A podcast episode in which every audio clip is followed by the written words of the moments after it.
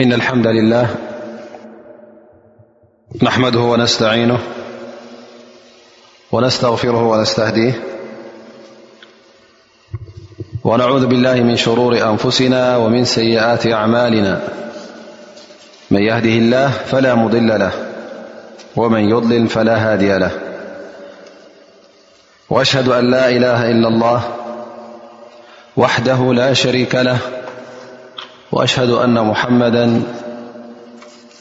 عبده وحبيبه ورسوله صلى الله عليه وسلم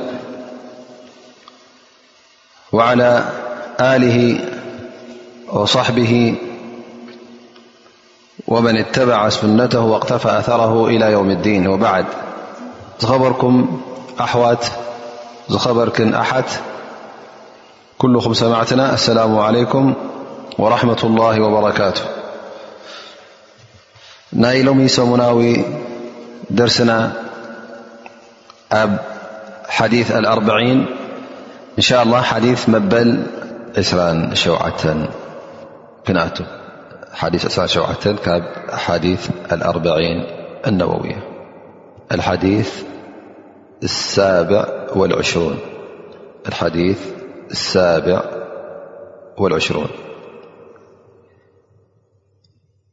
وعن النواس بن سمعان - رضي الله عنه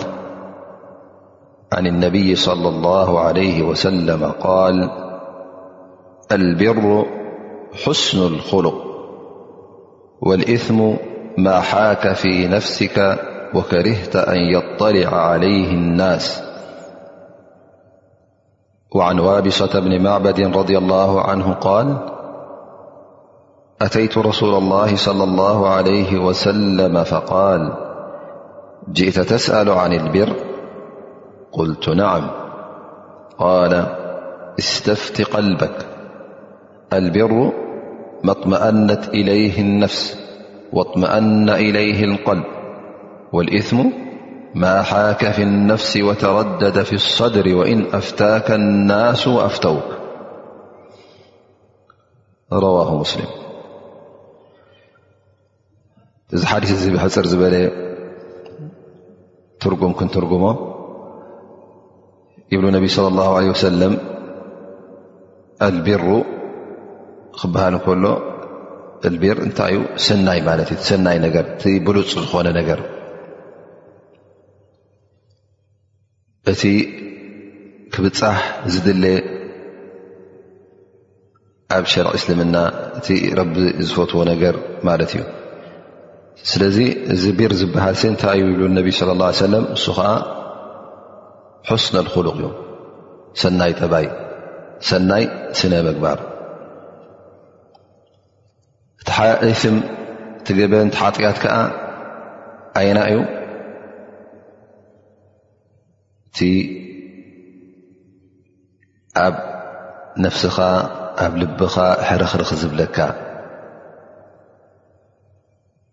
እናፈፀምካዮ ከለኻ ውን ሰብ ንኽፈልጦ ዘይተደሊ ነገር ትሕበኣሉ ማለት እዩ እዚ ንገዛእ ርእሱ ማእንታይ እዩ ገበን ማለት እዩ ስለዚ እዚ ምልክት ሂቦምና ነቢ ስ ሰለ ካልእ ሓዲስ እውን ይብሉ ዋቢሳ ዋቢሳ ዝበሃል ናብ ነቢ ስለ ላ ሰለም መፅኡ ነቢ ስ ሰለም ይብልዎ ብዛዕባ ቢር ንኽትሓትት ዲኻ መፅእካ ኢሎም ይዛረብዎ ይሓትዎ እወ ያ ረሱላ ላ ኢሉ ይምልስ ይብሉ እነቢ ስ ሰለም እስተፍቲ ቀልበክ ኩሉ ግዜ ልብኻ ኣማኽር ኢኻ ልብኻ ሕተት ኢኻ ኣልቢር ሰናይ እቲ ጎይታ ዝፈትዎ ኣየና እዩ ብሉ ነቢ ስ ሰለም እተይ ነብስኻ ትረግኣሉ ነብስኻ ደስ ዝብላ ልብኻ ዝረግኣሉ ልብኻ ዝቕበሎ እቲ ሓጢኣትን ገበንን ከዓ እቲ ኣብ ነብስኻ ናብ ልብኻን ሕርኽርኽ ዝብለካ ዘጠራጥረካ ሰብ እውን እንተ ደኣ እዚኣ ግበር እዚኣ ፅብቕቲ እዚኣ እተ ኢሎምኻ ኩሉ ግዜ ጥራይ ንዕኦም ኣይትስማዕ እንታይ ደኣ ልብኻ እውን ኣብ ማእኸር ኢኻ ኢሎም እነቢ ስለ ላ ለ ሰለም ይሕብሩ ማለት እዩ ብ ልብኻ ምኸር ክበሃል ከሎ እቲ ልብኻ ኢማን ዘለዎ ልቢ ክኸውን ከሎ ዩ ዳኣ እምበር እንተ እዚ ልብኻ እዚ ካብ ኢማን ባዶ እንተ ኮይኑ ኩሉ ግዜ እዚ ልቢ እዚ እዚ ነፍሰ ወይ ከዓ እታ ነፍስኻ ናብ ኸይር ኣይትመርሓካን እያ ላኪን እንተ መሰረት ኣለካ ኮይኑ ፍርሃት ረቢ ኢማን ብጎይታ ብኣላ ዝኣመንካ እተ ኮይንካ ሕጂ እዚ ኢማንካ እዚ ባዕሉ ኩሉ ግዜ ናብ ኸይር ክመርሓካ ማለት እዩ እንተ ሓደ ግዜ ዘጠራጥረካ ኮይኑ ወይከዓ ሰብ ከይርእካ ትብለሉ ኮይ ትሕበኣሉ ኮይ እዚ ኩሉ ግዜ ረቢ ዘይፈትዎ ስራሕ ማለት እዩ ኩሉ ግዜ ትልብኻ ውን ባዕሉ ይነግረካ እዩ እዚ እቲ ሓዲስ እዚ ዝጠቅስ ዘሎ እንሻ ላ እዚ ሓዲስ እዚ ተ ብ ዝያዳ ክንትንትኖ ኮይና ናካ ዳእሲ ዓብ ሓዲስ እዩ እቲ ሒዝዎ ዘሎ ቃላት ውን ገዛእ ርሱታ ኣልቢር ትብል ዘላ ቃልሲ ናካ ዳእሲ ኩሉ ሰናይ ዘብኡ ዘማልእት እያ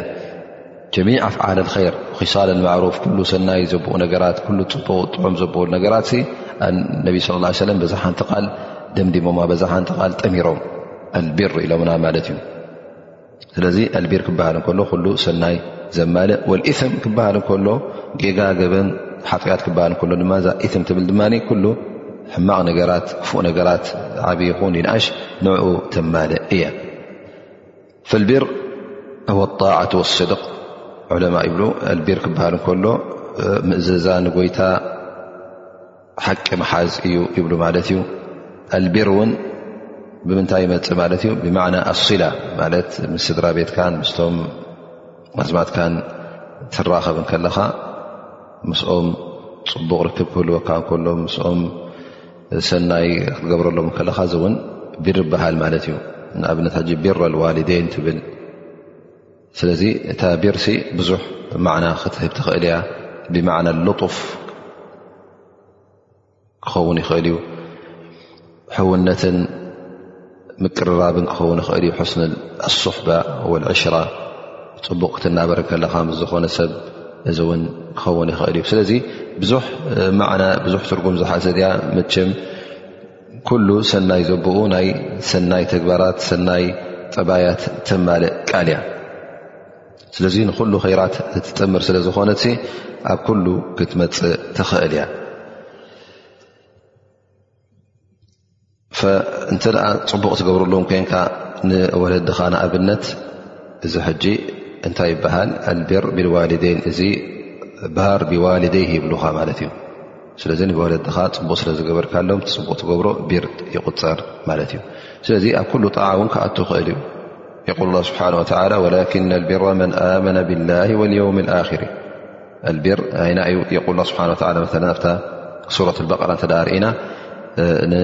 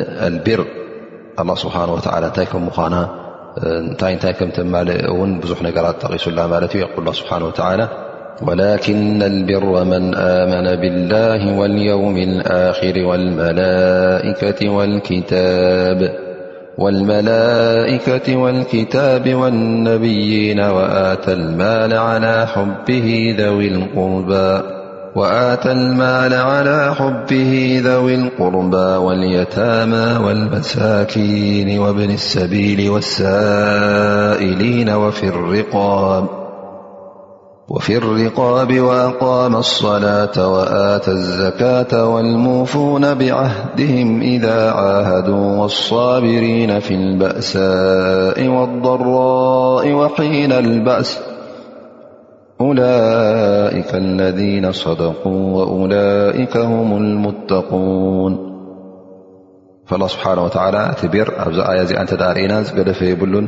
ኢማን ቢላ እቲ ኣርካን ልኢማን ተጠቒሱ ማለት እዩ ወልዮም ኣክር መዓልቲ ቅያማ ብመላካ ብክታብ ንኣንብያ ሊላ ኢልካ ገንዘብ ከተውፅእ ንመሳኪን ንቀዝማድ ንድኻታት ንዘኽታማት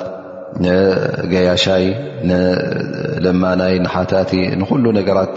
ከምኡ ውን ሰላት ክትሰግድ ዘካት ክትህብ ቃልኣትኻ ቃልካ ኣብ ግብሪ ከተውዕል ቃልካ ከይትጠልም ትዕግስቲ ክትገብር ኣብ ግዜ ኩናትን ኣብ ግዜ ድኽነትን ኣብ ግዜ ስእነትን እዚ ኩሉ ኣላ ስብሓን ወተላ ኣብ ትሕቲ ምንታይ ጠቂሱ ኣብ ትሕቲ ኣልቢር ጠቂስዎ ማለት እዩ እሞ ኣልቢርሲ ኩሉ ሰናይ ዘብኡ ከም ዘማልእ ነልካ ደኣሲ በሪሁልና ማለት እዩ ከማ ቃል ስብሓ ላ ወተዓወኑ ዓላ ልቢሪ ወተቕዋ ኢልና እውን ኣብቲ ዝሓለፈ ሓዲስ ተቂስና ነርና እቲ ቢር ሕጂ ኩሉ ሰናይ ዘብኡ ይኣትዎ ማለት እዩ ወልእትም ዘንቢ እዩ ጌጋ እዩ ገበን እዩ ሓጢኣት እዩ ዝቁፅር ኩሉ ንክትፍፅሙ ዘይፍቀደካ ሓራም ዝኾነ ነገራት እሱ እትም ይቁፅር ማለት እዩ ስለዚ እንተ እዚ ጌርካ ዝገብሮ ዘለካ ጌጋ ይቁፅር ማለት እዩ መቕፃዕቲ እውን ይግብኣካ ስለዚ ኢትም ንኩሉ ጌጋታት ዘብኡ ረቢ ዘይፈትዎ ሕማቕ ነገራት ሕማቕ ተግባራት ንኡ ተማልእ ኮይና ትርከብ ማለት እዩ እልኢትም ንገዛእ ርእሱ ሕጂ ከምዚ ብዝሓሊሰ እዚ ዝረኣናዮ እቲ ሓጢኣት ወይ ከዓ ትገበን ትገብሮ ዘለካ እቲ ረቢ ዘይፈትዎ ነገር ክትገብር ከለካስ ምልክታት ከም ዘለዎ ኣብዚ ሓሊሰ ዝርኢና ሓደ ካብቲ ምልክታቱ ውሽጣዊ ምልክት ኣሎ ማለት እዩ እቲ ውሽጣዊ ምልክት ከዓ እቲ ኣብ ልብኻ ዝስምዓካ ስምዒት ኣብ ነብስኻ ዝስምዓካ ናይ ደስ ዘይምባል ናይ ሸገርገር ናይ ቀለውላዊ ማለት እዩ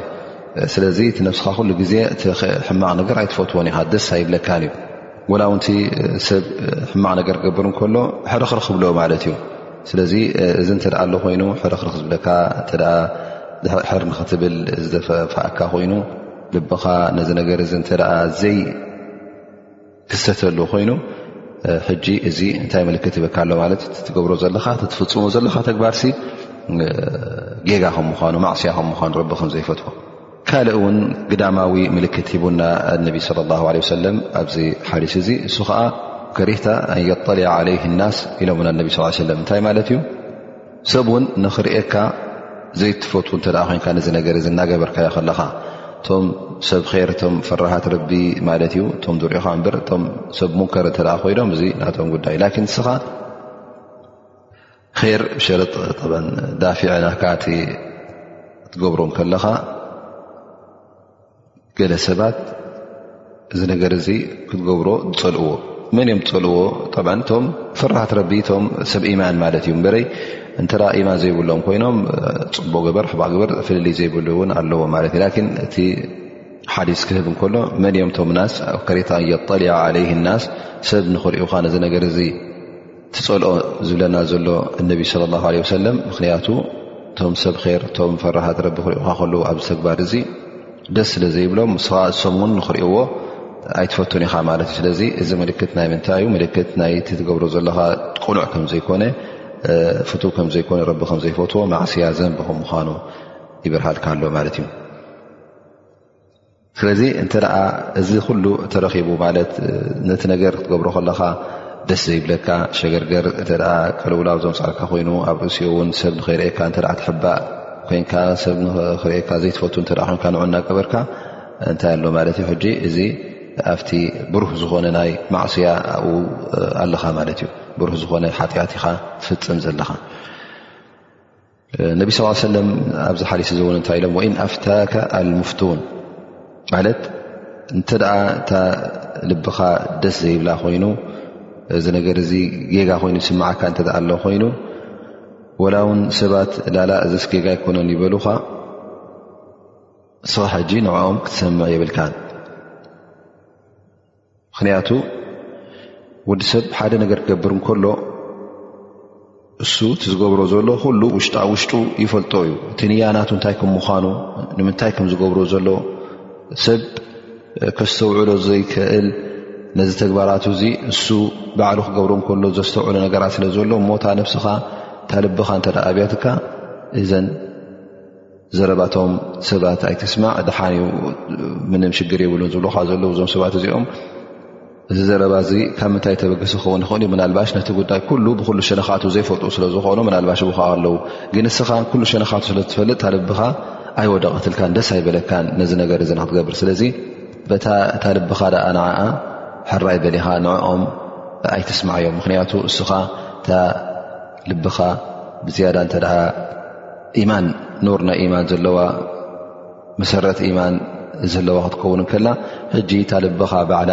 ነቲ ሕማቕ ነገር ሕርኽርኽ ክብላ ስለ ዝኾነ እሳ ደኣ ነታ ልብኻ ደኣ ሰዓብ ኢኻ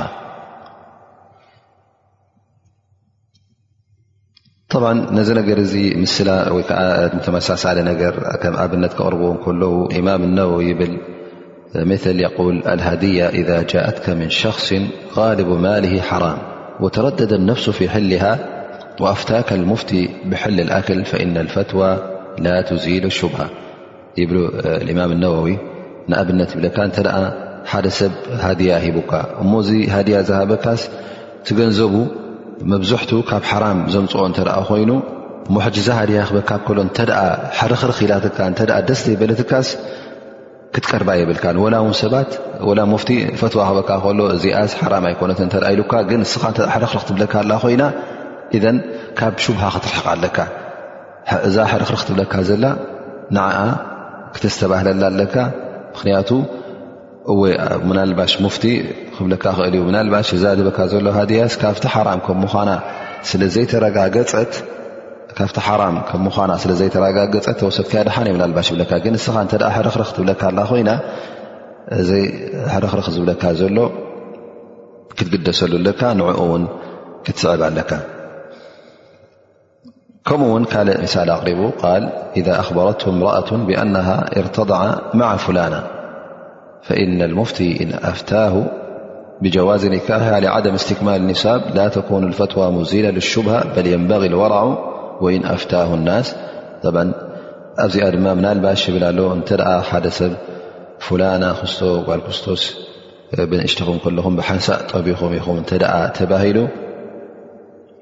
ሕጂ ክጥንቀቕ ኣለካ ይብለካ ኣሎ ማለት እዩ እተ ኢልካ እዚኣ ሓፍተይ ማለት ያልካ እተ ኣብ ልብካ ሕርኽር ክብለካ ኣሎ ኮይኑ እዛ ሰብ እዚኣ ክትምርዓዋ ይብልካ ወላ ውን ሞፍቲ እተ ዘይተረጋገፀ ኮይኑ ክሳዕ ሓሙሽተ ሻዕ ዘይጠበዎት ምሳኻ ኮይኑ ሓላሊ እተ ኢሉካ እስኻ ሕጂ እውን ትልብኻ እተ ኣብ ጥርጥር ኣሉ ኮይኑ ኣብ ቅልውላው እተ ኮይኑ ነዚ ነገር ዝቕበሎ እተ ኣብዩካ እታ ልብኻ ንዓ ካብ ወራዕ ማለት ካብ ዝያዳ ፍርሃት ረቢ እንተዘይ ተበርዕኻያ ይሓይሽ ምክንያቱ ወላ ውንቲ ሙፍቲ ፈትዋ ይሃበካ ማለት እዩ ስለዚ ከምዚ ዝኣመሰለ እዩ እቲ ልብኻ እንተ ዘይወጥቀልካ ኮይኑ ልብኻ ውን ዕድል ሃቦ ማለት እዩ ምክንያቱ እቲ ልብኻ ከምቲ ዝብልናዮ ካብ ኢማን ዝተላዕለ ስለ ዝኾነ ስለዚ እቲ ኩሉ ኣብ ሽርዒ እስልምና ዝመፀ ድማ እቲ ኣላ ስብሓን ወተላ ዝኣዘዘካ ኩሉ ክትፍፅም ኣለካ ሕራይልካ ውን ክትቅበል ኣለካ ልብኻ ውን ክቕበሉ ኣለዎ ማለት እቲ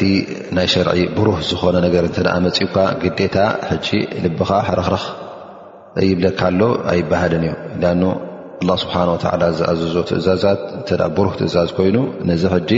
ብ ፅሩይ ልቢ ብዘይውልውል ብዘይ ምጥርጣር ክትቅበሎ ኣለካ ማለት እዩ ሊኣኖ ኣላ ስብሓን ወተላ ዝበሎን ዝኣዘዝዎን ነቢና ሓመድ ለ ላ ሰለም ዝበልዎን ዝኣዘዝዎን ኣብ ሽርዒ ዘሎ ልብኻ ክጠራጠር የብሉን ልብኻ የማን ፀጋም ክብል የብሉን ወይ ከዓ ክድሓርሕር የብሉን ነግፈረግ ክብል የብሉን እንታይ ደኣ ትኽኢልካ ሓንጎፋልካ ክትቅበሎ ኣለካ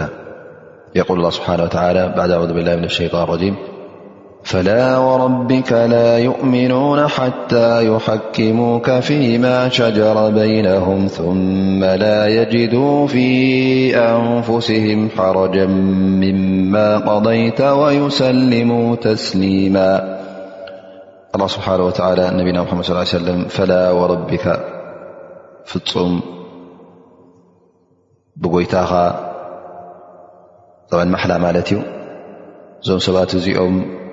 ኣይኣምኑን እዮም ክሳዕ እቲ ዝወሰንካዮ ፍርድን ዝወሰንካዮ ውሳነን ዝቕበሉ እቲ መንጎኦም ዘሰሓሓቦም ነገር ንስ ክትፈርጦም ከለኻ ንዕኡ ክሳዕ ሕራይ ኢሎም እሺ ኢሎም ዝቕበሉ እሞ ከዓ ጥራይ ተቐቢሎም ዘይኮኑ እውን ኣብ ነፍሶም ውን ኣብ ልቦም ውን ሕርኽራኽ ክረኽብሉ የብለውን እንታይ ደኣ ወይሰሊሙ ተስሊማ ነዚ ነገር እዚ ከስተስልምሉ ኣለዎም ኢዶም ክብሉ ኣለዎም ብምሉእ ኣእዳቦም ክቕበልዎ ኣለዎም ማለት እዩ ስለዚ እስትስላም ክገብሩ ኣለዎም እንተ ዘይገበሩ ብሓቂ እዞም ሰባት እዚኦም ኢማን ኣለዎም ክበሃል ኣይከኣልን ይብል ኣላ ስብሓን ወላ ስለዚ እቲ ኣላ ስብሓን ወላ ዝኣዘዞን ነቢና ሓመድ ስ ሰለም ዝወሰንዎን ዝኣዘዝዎን ንኡ ብብሩህ ነገር ዝመፀ ክትቅበሎ ኣለካ ማለት እዩ ልብኻ ውን ክድሓርሕር የብሉን እዚኣስ ቁሩብ ሕርኽርኽ ትብለኒላ ኣብ ልበይ ክትብል የብልካ እተ ሕርኽርኽ ኣሎ ኮይኑ ኢማን የለን ማለት እዩ እቲ ኢማን ይወሓድ ኣሎ ማለት እዩ ስለዚ ንጠንቀቕ ዳኣ እቲ ሕርኽራኽ ንብሎ ዘለና ኣብ ምንታይ እዩ እንተ ኣብቲ ዘንቢ እተ ኮይኑ ዘይበረሀ ዘይ ብፅቡቕ ዘይበረሃልካ ናይ ሸርዒ እተ ኣሎ ኮይኑ ሕረክረክ ዝብለካ እ ኮይኑ ላን መርትዖ ዘለዎ ብሓዲስ ብክታብ ሱና ዘለዎ እተ ኮይኑ እዚ ነገር እዚ ብቐታ ክትቅበሎ ኣለካ ክተትሓርሕር የብልካ እዚ ሓዲስ እዚ ካብቲ ዝረኣየና እንታይ ዩ እቲ ጠባይ ጥዑም ጠባይ ሰናይ ዝኾነ ስነ ምግባር ኣብ እስልምና ዓቢ ቦታ ከም ዘለዎ ذ ነቢ ስ ሰለ ኣልቢሩ ሕስኑ ልክሉቕ ኢሎምና እቲ ቢር ሰናይ ዝበሃል ፅቡቕ ተግባር ዝባር ዝለዓለ ናይ ኩሉ ሰናየት ዘማልእ ሕስነ ልክሉቕ ኢሎምና ማለት እዩ ስለዚ ሕስነ ልክሉቕ ሰናይ ጠባይ ሰናይ ስነ ምግባር ሓደ ካብቲ ዝዓበየ ፍትው ዝኾነ ተግባራት ይኸውን ማለት እዩ ከማ ቃል ነብ ስ ሰለም ኣልሓጁ ዓረፋ ሓጅ እንተ ክበሃል ኮይኑ ዓረፋ እዩ ዓረፋ እተ ውዒልካ ሓጅካ ማለት እ ዓረፋ ዘየላ ዘይከትካ ኣይ ሓጀካ ማለት ይኽብሉ ከለዉ እነልካ ደኣሲ እንተ ሕስነ ክሉቕ ዘየሎ ድማ ሓጂ ቢር የለን ማለት እዩ ዓብ ዓንዲ ኣብቲ ናይ ቢር ኣብቲ ናይ ሰናይ ኣብቲ ረቢ ዝፈት ኣይና እዩ እቲ ሰናይ ጠባይ ሰናይ ስነ ምግባር እዩ ጠበን እቲ ሰናይ ሰነ ምግባር ዝበሃል ዘሎ ሰናይ ጠባይ ኣየና እዩ እቲ ኣብ ቁርን ዘሎ ትእዛዛት ኣብ ቁርን ዘሎ ናይ ስነ ስርዓት ተግባራት ዝሓትት ወይ ከዓ ዝእዝዝ ንሱ ኩሉ እንታይ ይቁፅር ማለት እዩ እቲ ሰናይ ስነ ምግባር ይቁፅር ማለት እዩ ዓእሻ ረ ላ ን እነቢ ለ ላ ሰለም ብዛዕባ ጠባዮም ከመይ ነይሮም ዝብል ሕቶ ምስ ተሓተተት እንታይ ኢላ መሊሳ ቃለት ካነ ሉቁ ቁርን ካነ ሉቁ صለ ላه ለ ሰለም ኣቁርን ነቢ صለ ላه ለ ሰለም ጠባዮም ስነ ምግባሮም እንታይ እዩ ነሩ ቁርን እዩ ነይሩ ከኣነ ቁርን የተሓረክ ዝንቀሳቐስ ቁርን እዮም ነሮም ነቢ ስ ሰለም ማለት ኩሉ ምንቅስቓሳት ንጥፈታት ናቶም እንተ ርእኻዮ በቲ ኣብ ቁርን ዘሎ ኣዳብ ስነ ስርዓት ብኡ ተቐይዶም እዮም ዝኸዱ ነይሮም ኩሉ ትእዛዛት ቁርን ኣብ ግብሪ የውዕሉ ኩሉ ቁርን ዝኸልከሎ ይኽልከሉ ኩሉ ኣብ ቁርን ዘሎ ናብ ሰናይ ናብ ጥዑም ናብ ፅቡቕ ዝመራሕ ነገራት ንዕኡ ይኽተሉ ማለት እዩ ላ ስብሓን ወተላ ነቢና ሓመድ ለ ላ ሰለ ክገልፆም ከሉ እንታይ ኢሉ ገሊፆም ወኢነከ ለዓላ ኹሉቅ ዓም ስኻያ ሙሓመድ ኣብቲ ዓብይ ጠባይ ዓም ማለት እዩ ክቡር ጠባይ ኣብኡ ኢኻ ዘለኻ ኣንታ በዓል ክቡር ጠባይ ኢኻ ስኻ ንዓኻ ዘርክበካ የለን ማለት እዩ በዓል ሰናይ ጠባይ በዓል ፅቡቕ ጠባይ ክኸውን ዝደሊ ጠባዩን ስነ ምግባሩን ኣብ ክብ ዝበለ ኣብ ልኡል ቦታ ክበፅሕ ዝደሊ ንመን ይከተል ንመን ይስዓም ንነቢ ሙሓመድ ለ ላ ለ ወሰለም ክስዕብ ኣለ ከምቲ ናይ ነቢና ሙሓመድ ለ ላ ሰለም ዝገብሩ ዝነበሩ ተግባራት ኣዳብ ስነ ስርዓት ክኽተል ኣለዎ ማለት እዩ ምክንያቱ ነቢ ስ ሰለም እንታይ እዮም ናይ ኩላህና ኣብነት እዮም ከማ ቃል ስብሓን ወተላ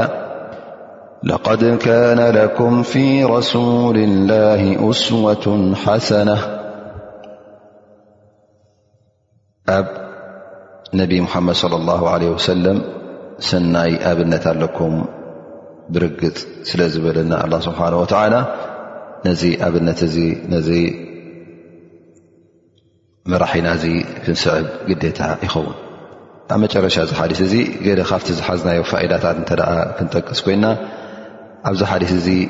እንታይ ንረክብ ማለት እዩ ቦታ ናይ ልቢ ወዲ ሰብ ማለት እቲ ኣብ ልቡ ዘሎ ኢማን ኣበይ ናይ ደረጃ ኣበይ ናይ ቦታ ከም ዘሎ ንለቡ ክሓትት ከም ዘለዎ ንልቡ ከማኸር ከም ዘለዎ እነልካ ደኣሲ ርኢና ማለት እዩ ስለዚ ቦታ ናይ ልቢ ሰብ እታ ኢማን ዝስቆረላ ስለ ዝኾነት ቦታ ዓብ እዩ ስለዚ ክግደሰለ ኣለዎ ነዛ ልቡ እዚኣ ውን ኩሉ ግዜ ንፅህትን ፅሪትን ክገብር ኣለዎ ምስ ኢማን ኩሉ ግዜ ከተኣሳስር ኣለዎ ምኽንያቱ እዛ ልቢ እዚኣ እንተ ኢማን ኣለዋ ኮይኑ ፍርሃት ረቢ እተ ኣለዋ ኮይኑ ኩሉ ግዜ ናብ ኸርያ ክትመርሓካ ናብ ሰናይ ምክንያቱ ከምዚ ብዙሓዲስ ዝተጠቐሰ ኣልቢሮ መጥመኣና ኢለይ ነፍስ ማለት ኩሉ ር እታ ልቢ ትረግኣሉ እያ ሕማቕ እተ ኮይኑ ግን እታ ልቢ ኣይትረግእን እያ እንታይ ደኣ ትቋላለው እያ ኣብዚ ሓዲስ እዚ እውን እንተ ርኢና እቲ ሽርዒ እስልምና ኩሉ ግዜ እቲ ሕግታቱ ኣብዚ ሓዲስ እዚ ከም ዝረኣናዮ ካብ ልቢ ዝተበገሰ ክኸውን እዩ ዘለዎ ካብ ልቢ ዝተበገሰ ማለት እቲ ነገር ክትገብሮ ከለኻ ካብ ምንታይ ተበጊስካ ካብ ኢማንካ ተደሪኽካ ኢኻ ትገብሮ ኣጅሪ ዘሊኻ ኢኻ ትገብሮ ዝኾነ ይኹን ተግባር ካብ መንግስቲ ፈሪካ ኣይኮንካ እትፍፅሞ ምክንያቱ እተ እዚ ሕግታት ናይ መንግስቲ እተ ርእና ኮይና እቲ ዝደፋፍእ እንታይ እዩ